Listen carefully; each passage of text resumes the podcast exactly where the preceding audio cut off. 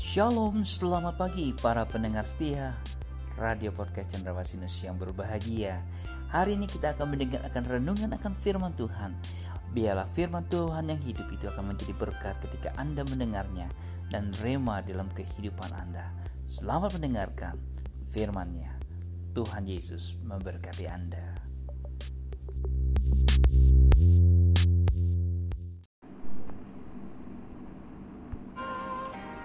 Kalau kita ingin hidup kita berarti, jangan hidup untuk diri sendiri. A meaningful life is a life with purpose. Hidup yang berarti adalah hidup yang mempunyai tujuan, mempunyai visi. Hiduplah untuk sebuah tujuan, bukan hanya sekedar pengakuan. Live for a cause, not for applause. Tuhan tuh mau kita hidup dalam kehendaknya dan dalam rencananya dalam hidup kita. Kalau kita ingin hidup kita berarti, mari mulailah mencari kehendak Sang Ilahi. Yakini bahwa Tuhan itu punya rencana dalam hidup setiap kita dan itulah yang akan membuat hidup kita jadi berarti bagi Tuhan dan bagi sesama. Yohanes 6 ayat 38 berkata, "Sebab aku telah turun dari sorga bukan untuk melakukan kehendakku, tetapi untuk melakukan kehendak Dia yang telah mengutus aku." Yesus berkata bahwa Dia turun dari sorga untuk melakukan kehendak Bapa. Hari ini kita hidup, kita hidup untuk apa? Kita harus mulai mencari kehendak Bapa apa bagi setiap kita. Yakinilah bahwa setiap kita ini lahir ke dunia ini dengan tujuan Tuhan dalam hidup kita. Hidup saya mulai menjadi berarti ketika saya mengerti apa rencana Tuhan dan kehendak Tuhan dalam hidup saya. Saya percaya bahwa kalau kita ingin hidup kita berarti, kita nggak boleh hidup untuk diri sendiri, tapi kita harus menghidupi kehendak Sang Ilahi. 1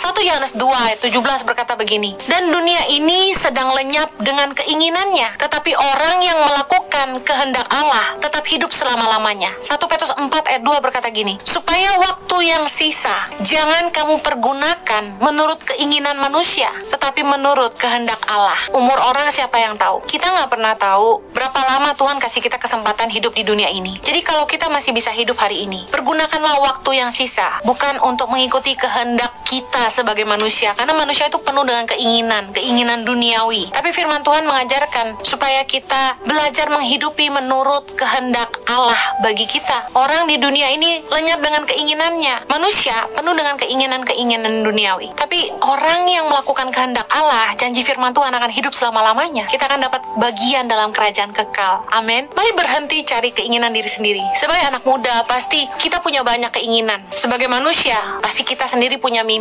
Kenapa hidup kita nggak berarti? Karena kita nggak ngerti. Kita ada di sini untuk apa? Kita diciptakan tuh untuk apa? Kita akan berpikir bahwa oh orang tua kita yang bikin kita. No, banyak orang menikah tapi nggak punya keturunan. Kalau kita bisa lahir ke dunia ini, percayalah bahwa Tuhan punya tujuan buat hidup kita. Dia nggak ciptakan kita sembarangan. Tapi seberapa banyak dari kita yang rindu dan mau tahu apa yang Tuhan mau untuk hidupmu? Jangan hanya hidup untuk mencari keinginan diri sendiri. Manusia hidup dengan satu tujuan, untuk punya uang, untuk jadi kaya. Coba lihat anak-anak disuruh sekolah. Sekolah untuk apa? Supaya jangan susah. Satu hari jadi orang kaya. Semua orang ingin jadi kaya. Orang hidup hanya untuk uang. Saya ingin bagikan bahwa kerja apa pun pasti dapat uang. Anda kerja jadi tukang cuci, Anda dapat uang. Anda jadi tukang pijit, dapat uang. Anda kerja di bank, Anda dapat uang. Kerja apa pun pasti dapat uang. Tapi tahukah Anda bahwa sekeras apa pun manusia berusaha, yang membuat dia kaya adalah karunia Allah. Ada bahasa orang dunia bilang, hoki, beruntung. Enggak, Tuhanlah yang menjadikan kita kaya. Mazmur 127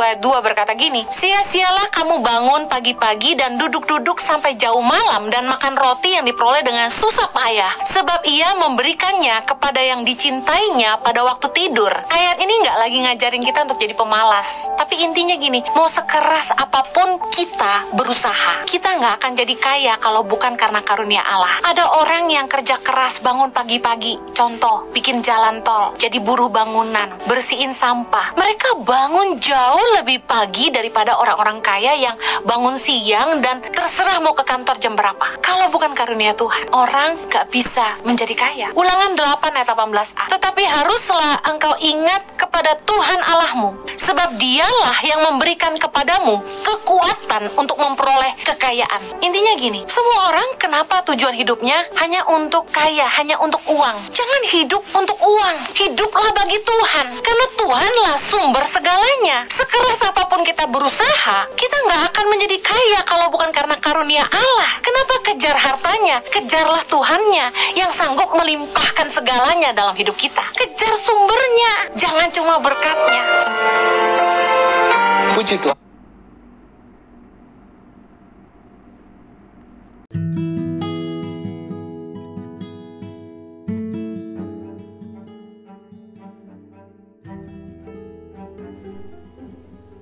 bagi nama Tuhan.